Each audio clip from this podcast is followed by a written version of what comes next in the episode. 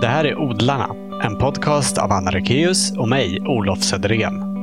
Odlarna ges ut i samarbete med Odlingstv. Och innan vi börjar vill vi tacka våra sponsorer som möjliggör den här podden. Det är Nelson Garden och så är det Grön IT Konsult AB som saluför japanska verktyg av högsta kvalitet. Till exempel silkesågar. Tack så mycket! Agnes Fischer är en av grundarna till Bodla, en organisation som jobbar för att skapa en hållbar framtid både socialt och miljömässigt. Och det gör de genom att odla tillsammans med barn, ungdomar och vuxna, ja alla som vill helt enkelt, på skolor, i bostadsområden och vid Gula Villan Subtopia mellan Alby och Fittja i Botkyrka, där Bodla har sin bas. Det var också där vi spelade in den här intervjun i mitten av juni. Varsågoda, Agnes Fischer.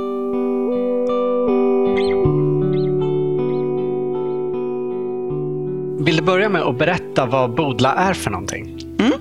Bodla är både ett icke vinstutdelande företag och en ideell förening. Och det gemensamma för dem är att vi vill jobba för att utveckla ett hållbarare stadsliv. Och vårt verktyg är stadsodling. Så det är liksom den så korta pitchen om man säger. Mm. det som är så bra med stadsodling är ju att man får med allt det som ryms inom hela hållbarhetsspektrat. Så man kan både liksom de sociala, så spelet mellan människor och dialogen och mötet. Och biologisk mångfald och odling och hälsa, vad man äter. Och vad är det ni vill uppnå?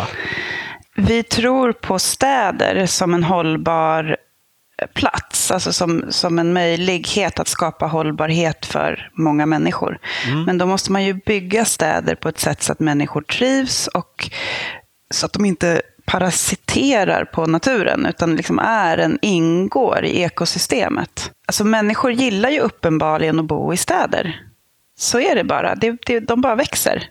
Och då måste vi lära oss att bygga dem på ett sätt som inte är eh, människofientligt. Och som inte är naturfientligt, men jag tänker att det är samma sak. Ja. Vad står namnet för, Bodla? Det kommer ju från tanken att man ska kunna odla där man bor. Så att, eh, att ha odling nära boendet. Vi ska såklart prata mer om Bodla, men först tänkte jag att vi ska få lära känna dig lite och få en bild av vem du är. Mm. Du är uppvuxen i en ekologisk handelsträdgård, om jag mm. förstått det hela rätt. Mm. Berätta. Jag är uppvuxen på en gård där det fanns en ekologisk handelsträdgård. Och den drevs av min eh, dagmamma och hennes man. Aha. Så att vi hängde ju väldigt mycket där. Jag tänkte ju inte såklart på det. Alltså det var ju, dels så var det bara min naturliga plats. Det var ju inte någonting med det. Och sen så eh, fick vi ibland eh, sprita bönor eller gallra morötter eller rycka ogräs och sådär. Men för det mesta sprang vi bara runt omkring och lekte. Och jag tänkte inte på det. När jag, när jag startade Bodla så, tillsammans med min kollega Sofie så tänkte inte jag på att jag hade den bakgrunden. Det slog mig långt senare. Mm. Var var det här någonstans? Det var ute i Järna. Så det var en fantastisk odlare som heter Roland Enoksson som eh, odlade där. Och eh, hans fru Ingevi. Och eh, ja, det var ju bara sån där, äh, jag fattar ju nu vilken lyx det var. Men han kom ju liksom med en låda med broccoli som hade blivit över och undrade om vi ville ha. Och det var ju färska bönor varje dag. Och det, och men det, sånt där som man... När jag var liten åt jag ingenting som var rött eller grönt. Jag tyckte att allt sånt var äckligt, så det var ju mest en plåga. Liksom. Men det var ju ändå värsta lyxen. Mm. Men hyrde din familj hus på Nej, Det här är en stor gammal bondgård med väldigt många bostadshus. Så det var jättemånga människor som bodde där som inte alls liksom var verksamma inom bondgården eller handelsträdgården. Så mina föräldrar bodde där och jobbade i Stockholm. Och eh, jag gick hos dagmamman där, eller jag och mina syskon.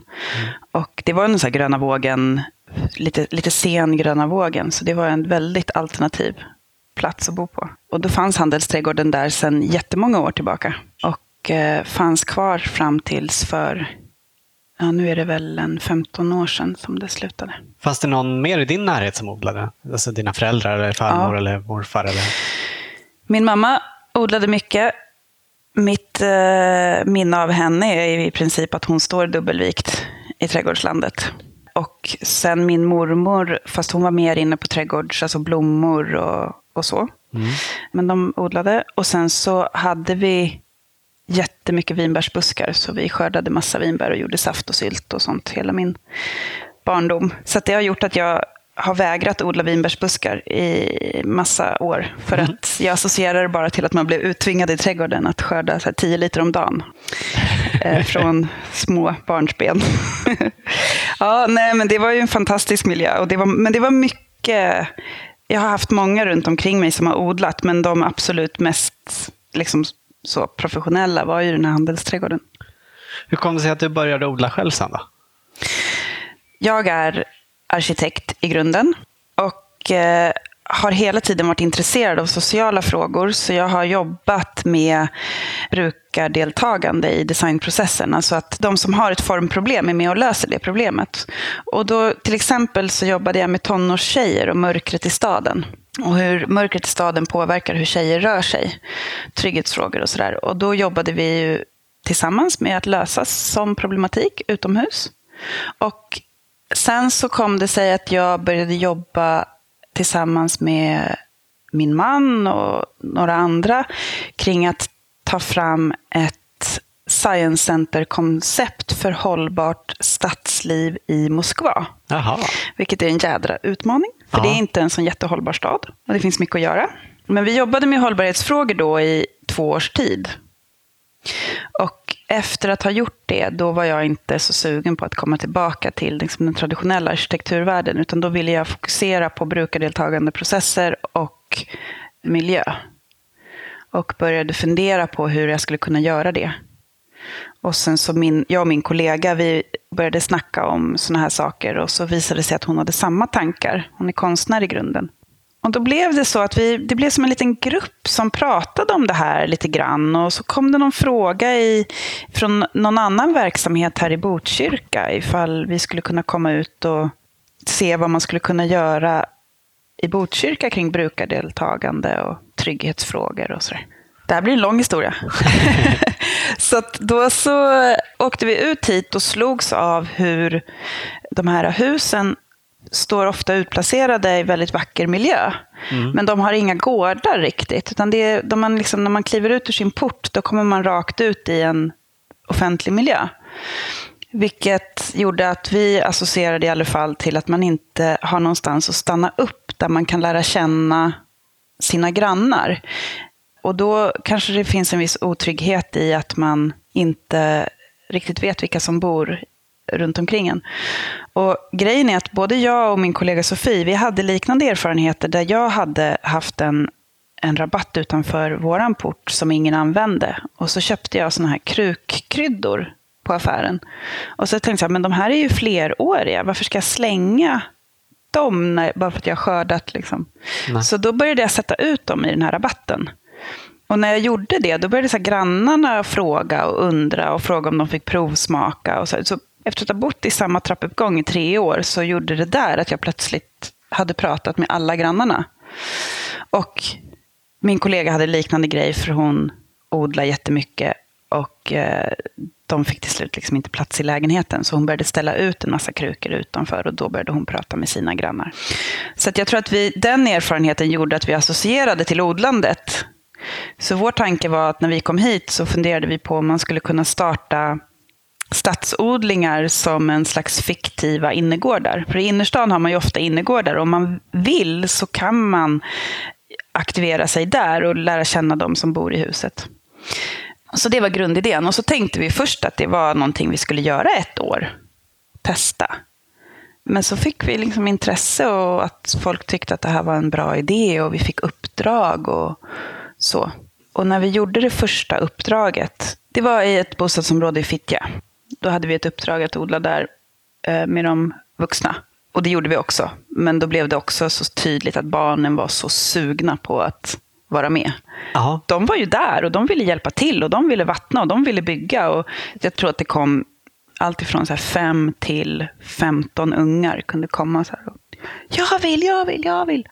Och så samtidigt så märkte vi att de inte kunde någonting.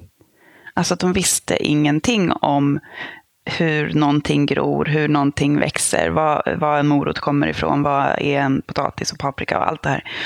Och då, det var då jag insåg, efter ett tag, att min bakgrund har ju gett mig en massa saker som jag har liksom trott kom naturligt. Mm. Men som ju såklart bara kommer ifall man stöter på det. Och då när vi märkte det här med att det saknades en del kunskap så insåg vi att om vi ska kunna bygga en hållbar värld och alla ska bo i städer. För jag menar i Sverige är det åtta av tio barn som växer upp i städer. Globalt sett är det 50 procent och det ökar. Och så tänker jag, hur ska vi kunna bygga en hållbar värld om de som växer upp i stan inte vet någonting om matens ursprung, hur saker och ting växter, biologisk mångfald, ekos... Alltså om man inte har en relation till naturen. Och bara tvärtom har fått höra... Vi träffar ju barn som aldrig har fått ta i jord. För det är farligt och fullt av bakterier och man kan dö. Och som inte får sitta på marken, för det är farligt. Och det gäller, det är hela stan. Det spelar ingen roll varifrån, utan det är en stadssjukdom. Att man tycker att naturen är farlig. Och det blir ju... Dels så tar man ju från barnen en, en så fantastisk källa till fritid och återhämtning och liksom allt det här som alla vuxna pratar om att det är så avstressande att vara i naturen. Det bara klipper man ju bort som en möjlighet för dem. Och sen så hela den kunskaps... Så här, upplevelsebaserade kunskapsdelen. Men jag, jag känner mig extremt ödmjuk inför det där med den där rädslan. Därför att jag är ju som sagt uppvuxen på landet. Och trodde att alla fick det där med modersmjölken. Liksom. Men, och sen så är mina barn uppvuxna i stan. Och när, jag, när min, mitt första barn var litet och vi kom tillbaka till landet efter en vinter. Och hon inte vågade korsa gräsmattan. För att det kittlade så läskigt på benen. Då, då tänker jag så här, ja men det, är, det går jädrigt fort. Och det är liksom inte bara... Alltså även om man råkar vara naturtomte själv så blir barnen liksom skeptiska ifall de inte får möta naturen. Så att det är inte... Alltså jag, jag var nog snabbare förut med att säga att föräldrarna borde ditten och datten. Det är faktiskt ganska svårt i stadsmiljö att ge barnen den naturupplevelsen, liksom, eller den naturrelationen. Ja. Men det var liksom det här projektet som var din ingång till odlingen, utöver då de här kryddkrukorna ute i rabatten? Ja, ja det, det, var det. det var, första syftet med att göra trädgårdar och stadsodling var ju att få människor att mötas. Och den aspekten på hållbarhet, alltså trygghetsfrågor och det sociala. Och sen har ju det utvecklats mer och mer till att vara en kunskapsspridare kring odling så att, eh, det var det första vi gjorde i det projektet i Fittja. Och sen så rullade det på därifrån. Och eh, till slut så fick vi frågan ifrån Subtopia som vi då... Vi hade börjat sitta uppe på Klump på Subtopia som är en sån inkubator för nya företag. Ja. Vill du berätta vad Subtopia är för ja, lyssnare Subtopia som kanske inte känner till det? En, kan man säga en paraplyorganisation för en massa kreativa verksamheter. Med eh, koppling till Cirkus Cirkör, va? Ja, de, de växte upp tillsammans kan man säga. Det är två olika organisationer, men de kom hit samtidigt och skapade på något sätt den här platsen tillsammans. Aha. Och eh, Subtopia har på senare tid även utvecklats så att de tar eh, stödjer just eh, entreprenörskap kring hållbar utveckling och sociala företag. Så då var vi där och fick stöd av dem. Och så frågade de efter ett tag, men vill ni inte hyra det där huset där nere? För vi skulle vilja att det var någon verksamhet som var mer öppen. Och det är det här huset Och det är det här, Gula Villan, Subtopia. Och den är helt fantastisk. Ja, verkligen. och, så då har vi det här som vår bas. Men sen så gör vi ju liksom uppdrag runt om i Stockholmsområdet. Ja. Vill du berätta mer om eh, den här platsen vi är på? Ja, det är en sekelskiftesvilla ifrån 1903, tror jag det är, som LM Eriksson valde att bygga den här åt sin son. LM Eriksson bodde själv i en herrgårdskåk som ligger här bredvid. Och eh, den här gula villan då är 300-400 kvadrat kanske. Mm. Och nu en är jättevilla. Ja, eh, nationalromantisk. Ja ganska typisk tror jag man kan säga. Men den är otypisk på det sättet att LM Ericsson var ju uppfinnare och experimentsugen. Så den är till stor del byggd i betong. Fundamentet. Så den, och man visste ah. inte riktigt hur, hur man skulle bygga med betong. Så den, är, den har tre meter tjocka betongväggar i källaren. Okej. Så att den är liksom... Alltså på riktigt tre ja, meter? på riktigt. På, på vissa, inte överallt. Så att när vi till exempel då skulle dra ut vatten till trädgården, Mm. för att vi använder mest sjövatten, men vi vill ju ha kommunalt vatten som backup. Då så sa rörmokaren att ja, alltså det blir väldigt komplicerat att dra ut det genom den här väggen, för att jag har ingen borr som är tillräckligt. Nej, bergborr. Så att, eh, men det löste sig till slut. Nej, men den är jätte, jättefin. Och den ligger mitt emellan Fittja och Alby. Och det är ju två jättetätt befolkade områden. Så det här är liksom som en grön lunga mitt emellan de två bostadsorterna. Och, så det är tunnelbana på båda sidor också. Och sen så ligger det precis vid vattnet, alltså 40 meter från vattnet. Och det går en promenadväg förbi Det går en promenadväg ut efter vattnet. Trädgården här är rätt unik, för den är terrasserad på Ja. ett sätt som jag inte har sett någon annanstans. Men en Riktigt pampigt med trappor upp från Ja. olika terrasser på båda sidor om huset. symmetrisk. Liksom. Och sen så med smidesstaket. Och den var helt förvildad när vi kom. Den hade inte brukats egentligen seriöst på 40 år ungefär, har vi uppskattat. Så det var mycket självsådda träd och sådär. Berätta om de olika verksamheterna som ni har. Nu har vi väldigt mycket demokratiodling. Och, det- vad menar du med demokratiodling? Demokratiodling är en ledarskapsutbildning för unga där alla moment är ihopvävda med odling och hållbarhetskunskaper. Så man får testa olika gruppdynamiska övningar i trädgården. Man får kunskap om hur vi ska ta hand om vår jord för att den ska må bra. Och då menar jag både jordgloben och matjorden. Och det är en tredagars kurs, så det är ganska kort och intensiv, så det är mer som en orientering. Och eh, i det här samtalet så uppstår också idéer om framtiden som ungdomarna har. Vi har till exempel några tjejer som fick en idé om att de ville göra cykelsmoothie, eller smoothiecyklar snarare. Ja. Så att, eh, nu håller vi på och ska bygga en cykel med en eh, mixer på. Det ser man ibland. Men de fick idén att de ville göra det här och sen så använda saker som vi har odlat och så erbjuda smoothies till de som går förbi här på vägen. Ah. Och sen kom de ju på så här att ja, men det kan man göra på fler ställen. Om det ändå är en cykel, då kan vi cykla runt och sådär. Så att det är också, demokratiodling är också en tanke om att man ska kunna uppmuntra dem att utveckla hållbara och roliga idéer. Ja. Eh, som kan vara antingen bara för skojs skull eller som någonting som man faktiskt skulle kunna jobba med. Ja, roligt. Mm. Och eh, vad har ni med för olika verksamheter? Sen så eh, jobbar vi med skolträdgårdar på olika sätt. Och då kan det vara antingen att vi åker ut till skolor och träffar barnen på sina skolgårdar och gör saker. Eller så tar vi emot barn här. Och det är ju jätte, jätteroligt. Vi, vi har jobbat mycket med eh, barngrupper som vi har träffat regelbundet. Och då, alla pedagogerna är ju väldigt så här, förtjusta över hur mycket barnen utvecklas fysiskt. Alltså om det är mindre barn så är det ju jättebra fysisk träning, liksom motorik och sådär. Och så jättemycket språkutveckling. Särskilt i de här miljöerna där det är väldigt många olika språk på en och samma förskola så blir det mycket svenska träning. När de så gör saker samtidigt som de pratar och de glömmer, glömmer bort att de pratar. Och så berikas deras ordförråd med konstiga ord som skottkärra och räfsa och sånt där. Ja. Eh, så det är jätteroligt. Och ehm, när det är äldre barn så är det ju mer kopplat till en läroplan också. Vad, liksom, NO eller vad som ska in just det året. Så skolträdgårdar är en sak. Och sen så är boendeträdgårdar också en stor grej. Och det är ofta på uppdrag av fastighetsbolag eller kommuner eller så. Att odla med människor som bor i något visst kvarter och erbjuda en möjlighet att komma och lära sig mer om odling.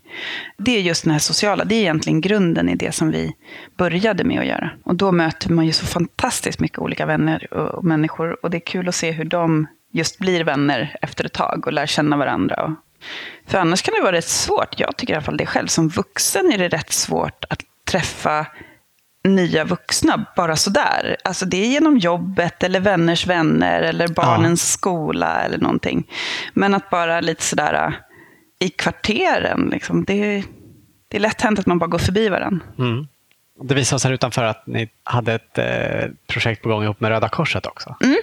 Det kommer igång imorgon. Det är jag väldigt nyfiken på. Det ska bli jätteroligt. Ja, vad ska det bli då? Där är det en grupp. Alltså den är öppen. Man är jättevälkommen att ansluta sig. Där man, de kommer bli handledda av en trädgårdsmästare. Och några av de som kommer är säkert jätteduktiga på att odla, men man kanske inte har så mycket språket. Och vissa av de som kommer kanske är färdiga med sitt arbetsliv, men pratar ganska bra svenska. Medan många kanske vill komma ut i arbetslivet och inte pratar så bra svenska. Så vi tänker att det här, det här blir ett tillfälle att dels lära sig mer om odling, dels lära sig mer om odling på svenska och sen mötas och prata. Och vi har en bit av trädgården här, en av terrasserna, som är ganska outvecklad. Så startpunkten är att tillsammans med det här med att alla ska få vara med och bestämma, tillsammans med de som kommer planera vad de vill odla och hur de vill odla. Och ta sig an den platsen och utveckla den. Och sen kommer det säkert ge så tentakler ut i resten av trädgården där någon förälskar sig i alla druvplanter och vill ta hand, liksom jobba med dem. Och någon annan vill bara gå runt och filosofera, vad vet jag. Men, så. Men vi kommer ha en bas som är deras. Det är jätteroligt. Och så finns det några fler olika delar av verksamheten här. Ni har odlingslotter mm. också. Mm. Vi hyr ut 40 kvadratmeter stora odlingslotter. Det gör vi för att dels att vi vill erbjuda folk en möjlighet att odla och just ha den här lite mindre ytan som inte är så stor som en odlingslott, för det är många som inte mäktar med det. Mm. Det eh, ser man ofta. Vi har ju eh, odlingslott och på det området är ofta folk som kommer och har så storslagna planer och sen så mm. orkar de inte ta hand om det riktigt. Nej. Eller de kanske inte vet riktigt innan vad det innebär och sådär. Precis. Så det låter väldigt bra med lite mindre ytor. Mm. Nej, men det har varit jätteuppskattat och vi skulle säkert kunna hyra ut hela fältet här som finns framför huset. Men det vill vi ju inte, för där vill vi ju att andra barn och unga sådär ska kunna odla. Men vi har våra, jag tror att det är åtta lotter nu. Men, och det är också väldigt bra därför att de kommer ju på sin fritid, på, som kvällar och helger och så, när vi inte är här lika mycket. Och det gör att det är tryggare på den här platsen. Folk är, det är befolkat. Ja. Det blir så väldigt socialt. De är här ganska mycket. De känner inte varandra innan, men de grillar här tillsammans och gör saker. Jättemysigt. Mm. Och så kan vi hjälpa varandra, för ibland lyckas de med saker som vi misslyckas med. kan vi byta plantor och ja. så. Bra. Vill du berätta om eh, odlingarna ni har här? Mm. Vi odlar framförallt ätbart. Men vi har fått en hel del växter donerade till oss. Och det tar vi mer än gärna emot. Men då har det blivit en hel del blommor och sånt som vi inte äter.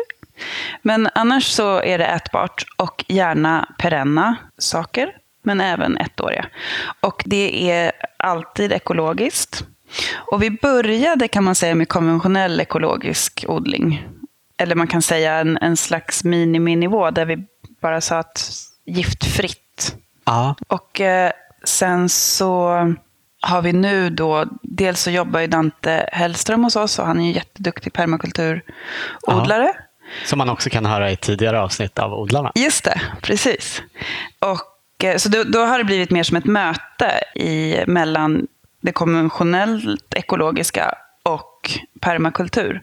Och vårt mål är att kunna vara helt permakultur, eller i alla fall till 90 procent. Men det är också en kul grej att faktiskt ha lite olika tekniker och kunna visa på, därför att det är ett ganska långt steg att ta för folk som odlar konventionellt, alltså som odlar med gift, att överhuvudtaget börja odla giftfritt. Så det är rätt kul att kunna, när det kommer folk hit till oss, för det gör det ju varje dag, folk som går förbi och, så där, och frågar saker, att kunna peka på lite olika tekniker och lite olika sätt och därför att det kan upplevas som en lägre tröskel att mer arbeta på det konventionella sättet.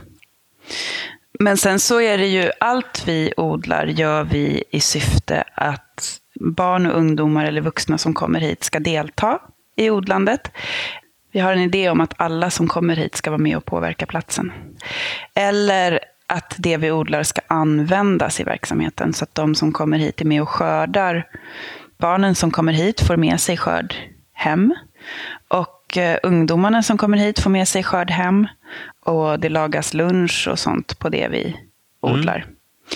Och det kommer kanske bli så att vi kommer stå på någon marknad. Eller kanske snarare att de som odlar här står på någon bondens marknad. Kul. Men än så länge har vi ätit upp det i, inom verksamheten. Mm. Du sa att ni odlar mest eh, ätbara saker. Mm. Vill du ge lite exempel på vad ni har? Ja, alltså vi har ju jättemycket växter och nu skulle jag egentligen vilja ropa in någon av trädgårdsmästarna som kan rabbla. Men Mm. vi har ju till exempel minikiwi. Ja. Vi har druvor, vi har spansk körvel och vi har gräslök och piplök och kinesisk lök. Och vi har gul lök och vi har havtorn. Och, ja, det såg jag flera stora buskar här. Och sen så har vi körsbär och plommon och äpplen. Och sparris och fänkål och grönkål och svartkål och bönor och Är det någonting ni saknar? Tatis. Vallört, fast den äter vi väl kanske inte. Vi har ju jättemycket turkisk eh, rucola som vi inte behövt odla. Ja, för den den växer här som vilt. ser ut som raps som Ja. står här utanför. Den är fantastisk.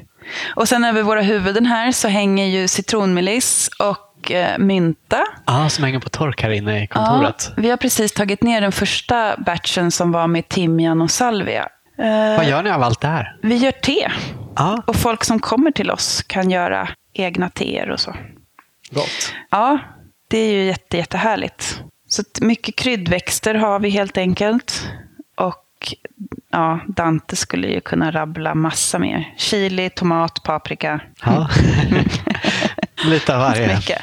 Har ni vinbär eller är du fortfarande så trött på det så att det är bannlyst? Vi har ju haft två stycken uppstammade svarta vinbär som av ett missförstånd så kom det en entreprenör och klippte ner dem. Men vi har faktiskt igen nu fått tillbaka vinbär. Så vi har svarta vinbär och krusbär. Du sa att ni försöker gå mer mot permakultur från mer konventionell ekologisk odling. Vad menar du då med mer permakultur? Alltså det har väl varit mycket så att när man jobbar med konventionell ekologisk odling så är det det här med att man håller ogräs fritt och man vill eh, liksom hålla jorden brun och snygg och så ska det stå så här planter i fina rader eller något sånt. Och det är ju väldigt arbetsintensivt. Medan permakultur, den, det är i alla fall den största skillnaden för mig som jag stötte på först kring det här var ju just att tänka mer kring att täckodla och sen så att kombinera planter på ett sätt så att inte jorden ligger bar. Därför att när den ligger bar så dunstar det iväg en massa material och det blir tillgängligt för ogräs att slå rot på ett annat sätt. Och så. Men sen finns det ju massa tankar kring permakultur som är att man inte plöjer och, och gräver så djupt och håller på att röra runt i jorden för mycket och sådär. Men jag tror att den estetiska skillnaden, som, eller det som folk först märker, är ju det här att det inte är bar jord och att det ligger liksom... Det kan se stökigt ut, för Mm. man är så van vid det här Ja. bruna jorden. Var det det du menar med att eh, vissa som kommer förbi och ser odlingarna kanske har svårt att ta till sig om man bara har den typen av odling? Det finns en es- estetisk idé om att det ska se ut på ett visst sätt och då kan det vara lite långt att börja täcka och ha liksom en grön matta. Men det är ju så det ser ut i naturen. Det är ju en grön matta och är det ett brunt sår någonstans då är det just ett, någon form av sår. Det har hänt något. Men jag tycker själv att det är lite svårt. Jag tycker att det är lite så här... Man blir så imponerad när man kommer till en slottsträdgård där det är så här super... Allting är super liksom så. Men eh, det är inte så hållbart. Det måste vara mycket en vana för i princip kan det ju vara liksom raka rader och, men att man täcker med gräsklipp eller halm eller något emellan. Bara det att man inte ser själva jorden. Alltså det finns jättemånga sätt att göra det snyggt på, så det är ju Ja, inte ja, det. precis, det är det jag menar. Eh, och det är inte heller, många tänker att det är helt arbetsbefriat när man väl har etablerat en permakulturrabatt så är det helt skötselfritt. Det ska man ju inte göra sig några illusioner om. Men eh, det är en annan typ av arbete och det kanske i alla fall är lite mindre intensivt. Mm. Men jag tycker det ser väldigt prydligt ut här. Ja, det är Fint de här- jätteroligt att du tycker det. Ja, de här fina staketen som ni har här nere byggda av grenar och Mm. runt de här odlingslotterna. Så. Jo, men vi, det är ju en halv hektar att försöka få ordning på. Och eh, vi försöker väl ta oss an lite i taget och hålla det så omhändertaget som möjligt. Mm. Bra med stor yta för att få tag i mycket täckmaterial Ja. till odlingarna. Det är ett Ja. problem för oss när vi är på vår lilla odlingslott, för där har man liksom inte... Då vill man ju odla på hela lotten. Mm. Då måste man liksom ta in saker utifrån för att täcka med och sådär. Nej, vi har ju plats för lövkompost och en halmhög och en eh, hög med lite allt möjligt, högen och eh, lite så. så det är ju, och det är ju en fantastisk resurs. Och sen är det ju också jätteroligt för att vi jagar ju markskötselentreprenörerna här ute som kommer med sina lastbilar. Vi springer ju fatt dem och frågar om inte de kan komma och dumpa sina löv hos oss. Istället för att köra iväg dem Istället för att köra iväg lastbilar. dem. Och häromveckan så stod det någon och de höll på att gallra ut ett parti här och de stod och flisade. Men då kom vi och frågade om vi kunde få en viss procent. Mm. Och på nolltid då så har ju de fräst upp en hög åt oss som vi nu springer skytteltrafik och hämtar där i Ja, vad bra. Ja. Vi har upplevt att sniglarna gillar våra täckodlingar. Du nämnde när visade oss runt här ute att ni också haft lite problem med sniglar. Mm. Vi började väldigt entusiastiskt och, och har täckt allt och också lägger ut stockar runt rabatterna därför att det är ett väldigt bra sätt att jämna ut så fukt. Alltså att stockarna håller fukten bättre än tunna plank och sådana saker. Men det är ju också en grogrund för, alltså sniglarna gillar ju också det. Så att dels så går vi nu och vänder på de där stockarna lite då och då och skördar liksom sniglar. Men vi har också konstaterat att på vissa platser måste vi tänka om och göra på ett annat sätt. Och då har vi, just nu så har vi en nästan inbrottssäker liten rundel där nere som är liksom i stålkant. Och sen så är det ett nät. För en sak som vi upptäckte är att eh, myggnät och så insektsnät, det kan inte sniglarna klättra på. För det är inte Nähä. tillräcklig häftyta. Så då så tejpar vi fast det där stålet tar slut. Så Ja. först är det stålet då mot ogräset och sen så är det myggnät mot sniglar och sen ovanför det så är det ett rådjursnät. Och det ser ju ut som liksom högsäkerhetsavdelningen på Hall. Liksom. Men, Ja, i eh, miniatyr. det blir inte så vackert, men det får i alla fall stå kvar. ja. Så det är en balans mellan hur, hur man täcker och, och just att man, vi kanske täcker lite mer försiktigt när det är mindre plantor som blir uppätna väldigt fort. Mm. Många förknippar ju kanske stadsodling med pallkragar och sådär. Men det har ni inga här. Nej, det kommer faktiskt komma imorgon då ett gäng eftersom att vi då kommer att odla med lite äldre människor också. Så att de, vi kommer att ha lite högre. Men eh, Gula villan är ju speciellt på det sättet att det är egentligen en ganska lantlig miljö mitt i en stadsdel. Så att här har vi ju förmånen att ha ganska fri mark. Liksom. Men annars så när vi odlar på trängre platser och på platser som inte har... Vissa dagis har ju skrämmande nog till exempel inga mark... Alltså de har bara plastbeläggningar och asfalt och så. Och då så blir det ju odlingslådor. Men vi försöker också kombinera. Som i Rinkeby nu så har vi odlingslådor. Men där har vi också möjlighet att göra dels en eh, örtspiral och sen så kommer vi göra en, eh, en, en bit i marken. När man pratar om odling på offentliga platser så är det vissa som brukar fråga om odlingarna får vara i fred eller om det ändå att någon förstör. Har ni varit med om något sånt här? Nej, väldigt, väldigt lite. Egentligen ingenting här Nej, vid Gula villan. vad bra. Och sen så har vi varit med om eh, någon enstaka gång att det har försvunnit någon planta. Men det är faktiskt i väldigt liten skala.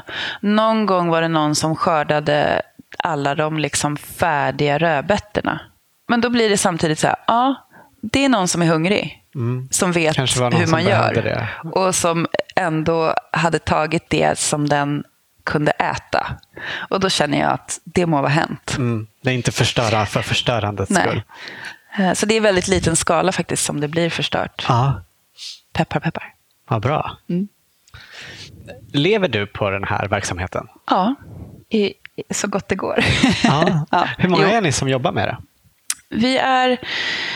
Det är lite säsongs... Det går ju lite upp och ner i säsong. Men vi är... Nu måste jag tänka efter här. Vi är väl sex till sju personer som är engagerade i verksamheten och då är några på väldigt få procent. Och sen så är det några som är på ganska många procent. Och så är det jag som är heltid. Och det är ju då framförallt eh, Dante och Elin som är våra trädgårdsmästare. Men sen är det också lite ledarskapsutbildare och projektledare och praktikanter och sådär. Ja. Och hur ser finansieringen av det här ut? Vi har ju en passion där vi vill skapa en hållbar värld. Och då finns det ju vissa idéer som inte är så lätta att sälja. Så de har vi inom den ideella föreningen. Och då är det fondfinansierat. Och det är ungefär hälften av vår verksamhet. Och sen den andra hälften är företaget. Och eh, där är det mera, alltså de här när vi gör boendeodlingar och... Ja, då är det bostadsbolagen och... Precis. Och en del föredrag och sådär. Ja. Har du några exempel på sån verksamhet som kanske inte är så kommersiellt eh, gångbar? Ja, men att vilja odla med ungdomar som inte vet om att de vill odla. Det är inte jättelätt att sälja in. Men eh, nu så går demokratiodling väldigt bra. Och, och det finns ju någonting väldigt starkt i det här att fånga upp ungdomar. Så att då kanske det blir någonting som kan klara sig på egna ben. Men när vi först utvecklade idén så var inte det en jätte så här, säljstark grej. Utan det var någonting vi ville göra ändå. Mm. Och en hel del av det arbetet som vi har gjort fram tills dess har ju varit ideellt. För att vi vill. Men till slut blir det ohållbart.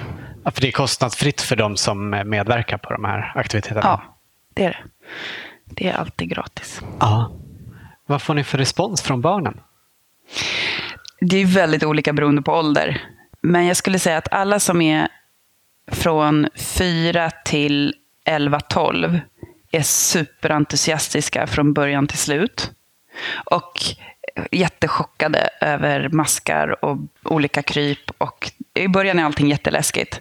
Och sen så efter, om det nu är så att det är några timmar eller att det är liksom en, en, en efter en hel säsong, så är de superhemtama och så kommer de springande med en näve full av dagmask och, och liksom visar stolt och sådär. Sen när det kommer hit de som är 12 år och uppåt, då är det oftast rätt så avvaktande i början. Och det kan vara ganska anti och det är lite så. Men sen har vi ju haft nästan varenda grupp som, som vi har här så är det alltid några som frågar om de får komma hit och praoa sen. Och det är ju Vad någonting kul. som man blir ju, då blir man så rörd och glad. Du nämnde att du har egna barn. Odlar du med dem? de har tröttnat lite. ja, nej, men jag har två barn och de eh, odlar med mig och de gör det gärna ett litet tag på våren, ett litet tag på hösten, men inte så mycket däremellan. Nej. Men de kan faktiskt, så jag tror att de har nog fått sin del av det hela. Kanske kommer intresset ja. med tiden. Ja. Vad har ni för egna odlingar? Dels så, vi bor i lägenhet, så på balkongen och i alla fönster. Och sen så den här handelsträdgården, där, eh, vi, har, vi, vi är kvar på den platsen. Eh, så nu så har vi en liten, egentligen det som jag hinner med att hålla efter där är en örtträdgård som vi har. Men eh, ibland så lyckas jag tillsammans med mina bröder även få ner lite potatis och sånt. Ni har det mm. som semesterbostad? Ja. Så. så det är där som vi odlar mest. Ja. Har du några favoritgrödor att odla med barn? Um, ja, alltså jag är ju sån som gillar sånt som har en egen vilja. Som sprider sig och, och står i. Ja, som... Som en ringblommor. Ja. De är både vackra och användbara. Och sen jordärtskockor och sånt där som också kommer igen och igen och som blir eh, väldigt vackra också, alltså som både går att äta och är vackra. Malva är ju fantastiskt just för att den både blommar och går att äta. Krasse. Alltså jag gillar de här dubbla effekterna av att någonting både blommar och är... Och på det sättet är nästan krasse det häftigaste tycker jag, som har så smakrika blommor och blad. Ja. Och som är så vackra. Och ganska tacksamma eftersom att har man inte gödslat så noga och har det råkat bli lite magert så trivs den ännu bättre. Liksom. Mm. Vad eh, skulle du säga att bodla betyder för Botkyrka? Eh, jag tycker att det ger en, en, en mångfald. Alltså det ger någonting som inte har funnits här tidigare. Det blir ju ganska många små facetter eftersom det här är en trädgård som förut inte har varit öppen för folk. Nu är den det. Det betyder att man kan komma hit och man skulle kunna behandla den här platsen som sin egen villaträdgård. Vilket är ett mål vi har, att folk ska kunna komma hit. Man bor i lägenhet, men man har ändå en villaträdgård. Man kan komma hit med sina gäster och ta en picknickkorg. Och i kombination då med att barnen kan lära sig saker och odla och så. Plus att vi är jättemåna om att försöka få ut skyltar i trädgården som berättar lite om vad som växer här, så att man ska kunna lära sig någonting, även om man inte träffar på oss. Framförallt så ser jag mycket potential i att utveckla en, en mötesplats mellan innerstan och ytterstan. Därför att någonting som folk som bor här i Alby i alla fall har sagt att de önskar sig en plats som är besöksvärd. För det är mycket boendemiljöer. Och man har liksom inget ärende hit ifall man inte känner någon som bor här och ska hälsa på just den personen. Men att få en plats där man faktiskt kan komma ändå. Och det tänker jag att vi håller på att skapa. Ja, den är ju verkligen värd att åka hit och se. Eller hur? Ja, mm. även fast det är mycket som är under arbete fortfarande. Ja, ju... men jag, tänker så här, jag tycker ju personligen om platser som inte känns helt färdiga. Utan där det verkligen, och här, är det någonting vi inte är så är det färdiga. Nej. Det är verkligen work in progress och jag blev jätteglad när ni sa att det ser ut som att vi har åstadkommit väldigt mycket här. För att jag ser ju mest allt som är kvar att göra. Och hur och länge är det ni har hållit på på den här vi platsen? Vi har varit på den här platsen sedan eh, våren 2013. Och hur länge har Bodla funnits? Jag tror aldrig vi sa det förut. Nej, vi har funnits formellt sedan 2013, men vi startade egentligen vår verksamhet 2012. Kärnan för er verksamhet finns ju här i Botkyrka, men det finns små tentakler ut till andra platser också. Mm, absolut. Eh, vi odlar med Stockholmshem i Rinkeby tillsammans med de boende där. Och det är ganska nystartat och eh, där är man också jättevälkommen att vara med om man bor med Stockholmshem. Och eh, sen så är vi på Ekerö också. Aha. Och sen så har vi det här uh, växthusprojektet. I, men det är ju också här i och för sig, det är ju Alby centrum. Ja. Och där är det ju inte egentligen att vi har något odlingsprojekt eller uppdrag, utan mer att vi är med och konceptutvecklar den möjligheten att uh, odla i ett växthus i stadsmiljö. Ja, och vad är det tänkt att det ska bli? I dagsläget så är det ett uh, oanvänt garage i tre våningar, fyra våningar är det. Och då är tanken att det ska bli liksom kommersiella eller fik eller så i nederbotten. Och sen så är det bibliotek och så i mellanplanen och sen så ett växthus på övervåningen eller längst upp. Och det är ju alltså någonting som vi ser som så otroligt stor potential att det kan utvecklas hur många varianter som helst kring det. Där man kan ha alltså mera industriell odling på tak som ni, man har hört talas om och som ju finns lite här och var. Det kommer inte vara här för det är för litet, utan här är mera att kunna odla tillsammans med folk på olika sätt. Eller en annan möjlighet skulle vara att det var mer som en inomhuspark. Alltså det här att vi bor i ett klimat där man stora delen av året är rätt osugen på att vara ute. Kanske. Ja. I alla fall i stadsmiljö. Så. Att det här skulle kunna vara en sån plats att vara på. Det är ett samarbete mellan Bodla och KTH, Botkyrkabyggen och Botkyrka kommun. Det är ett Vinnova-projekt. Men vi vet ännu inte vad det ska bli. Vi hoppas att vi ska kunna göra någonting bra av det. Men det Spännande. Ja. Men när jag läste på er hemsida innan så såg jag någonting om att det fanns något liknande på gång i Malmö också. Ja, just det. Det är faktiskt ett samarbetsprojekt. Så en motsvarande organisation med samma typ av aktörer, fast i Malmö, ah. jobbar också. Så de har ett eh, de har kommit längre, så de har redan ett färdigbyggt, eh, egentligen en vinterträdgård, som de på samma sätt håller på och utreder hur man kan använda. Och jag tror att det kommer komma så mycket olika typer av inomhusodling snabbt den närmsta tiden. Ja. Tror du att det är en förutsättning för vår framtida matförsörjning att vi odlar mer i städerna? Jag tror att det är en jätteviktig pusselbit. Och det kommer komma mer och mer både privatodling och kommersiell stadsodling. Men vi kommer aldrig kunna frikoppla oss från de stora arealerna som krävs för att odla. Men det kommer vara en viktig pusselbit. Jag tror inte bara att den kommer vara liten, utan jag tror att den är en viktig helhets... Alltså det här med mängden ätbart som vi konsumerar, men också transporten och det sociala och den biologiska mångfalden och hårdgjorda ytor och allt det här. Det hänger ihop. Men för matförsörjningen är det ju en, en ganska modest del. Mm.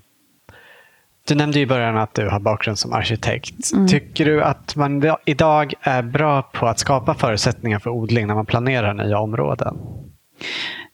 Jag, tycker att det är både och. För jag tycker att det finns ett eh, stort intresse hos arkitekter att eh, rita in eh, odling och grönska. Mm. Och sen så tycker jag att det kanske inte alltid är så förankrat i den praktiska verkligheten. Alltså, vi får ibland frågan om vi vill hjälpa till och tänka igenom hur det ska göras. Och det är ju jätte, jätteroligt, för då kan man få till inte bara det som ser snyggt ut, utan det som faktiskt funkar. Men jag tycker att det kommer mer och mer. Det finns liksom en ökad förståelse för att det behövs. Men sen så krävs det ju en hel, egentligen, en hel samhällsapparat som vill att städer ska bli hållbara och att människor ska kunna odla och leva sina liv så att man har tid. Alltså, det, det går så mycket hand i hand med hela livet. Så det är jättekul nu att det börjar synas mer och mer i stadsplaneringen. Men det kommer ju krävas en hel, ett helt system mm. runt omkring. Har du exempel på städer runt om i världen som eh, ligger i framkant när det gäller stadsodling? Jag skulle jättegärna själv vilja kunna åka till eh, Toronto och kolla. Där är de duktiga. Detroit är ju asspännande. Där har de ju använt, stads jag har föreläst om Detroit, för att de så ah. många gånger i sin historia har använt stadsodling som ett sätt att vända en negativ stadsutveckling. Ända sedan 1890 och egentligen även innan dess. Så när de hade en, en ekonomisk nedgång och massa eh, arbetslösa nyanlända europeer eh, som svalt ihjäl, så löste de det genom att eh, fördela ut tomma tomt, i samarbete med tomtägare, dela ut tomter där folk kunde odla. Och eh, sen har de gjort det 1890 1920, 1950, 1970, ja sådär. Och så nu efter bilindustrin i princip har havererat där så har det ju varit ett sätt att väcka stan igen. Och en massa entreprenörskap och en massa sociala värden i, i det. Så det är jättespännande. Mm, kul med positiva exempel. Ja. Hur ser framtiden ut för Boda? Kommer ni utöka till fler platser än Stockholm? Ja, så det, vi vill ju växa, men om man pratar eh, riktig hybris så är det mera nätverksskapande. Ja, än att sprida vi, idéerna mer. Ja, än att vi tänker att Bodla ska finnas i x antal länder eller så. Men det är faktiskt så att vi har börjat skapa ett nätverk vi fick kontakt med Ron Finley som en känd TED-talkande gerillaodlare från Los Angeles. Och eh, han frågade oss hur vi jobbar med ungdomar och jag ville ställa samma fråga till honom. Så då kom vi fram till att ja, men det här ska vi samarbeta kring. Och sen så vår ungdomsledare Sauda som har jobbat med demokratiodling hos oss. Hon har nu fått jobb inom FN för att jobba med demokratifrågor i Tanzania. Vad roligt. Och då kommer hon ta med sig demokratiodling till Tanzania. Och sen så är det mer människor som vi har stött på. Att man skapar liksom ett nätverk av människor och kan inspirera varandra och sådär. Och jag skulle extremt gärna vilja kunna översätta allt vi gör till engelska och så för att sprida det mer. Ja. Är det någonting mer som du tycker att vi borde prata om? Jag tänker mycket på att hur ska vi få det här samhället att utvecklas på ett hållbart sätt om vi inte växlar upp på ett bra sätt. Jag var på en eh, konferens i Bilbao för hållbar stadsutveckling Aha. för några veckor sedan. Och då så sa en eh, chefen för FNs hållbara stadsutvecklingsavdelning. Han sa att whatever you're doing, scale up and speed up. Mm. Och det tycker jag sammanfattar ganska bra vad som måste ske. Och då menar jag samarbetet mellan entreprenörer och uppdragsgivare, stödet till ideella initiativ och, och folk som vill odla liksom utan organisation. Bara gör det större. Mm. Vi brukar alltid avsluta intervjuerna med att våra medverkande får ge sitt bästa odlingstips. Har du något sånt? Ja, alltså det finns ju såklart en massa olika tips och jag tänker att de, det som jag först kommer att tänka på kanske inte är så himla unikt egentligen. Så den här publiken kanske redan kan såklart det. Kanske. Kanske, vet man, man, vet inte. Men vi möter ju väldigt ofta sådana som inte har förstått poängen med kompost och organiskt material. Och att ge tillbaka till jorden det man tar ut. För att när man odlar och skördar, då tar man ju hela tiden ut näring och material ur jorden. Och till slut blir det bara sand och stenar kvar. Och just det här att faktiskt täckodla, ta hand om era löv och era blast och kompostera dem och stoppa tillbaka det på jorden. Mm. Bra! Mm. Tack så jättemycket för att vi fick komma hit och för att du tog dig tid. Tack! Kul att ni kom. Det var fantastiskt roligt.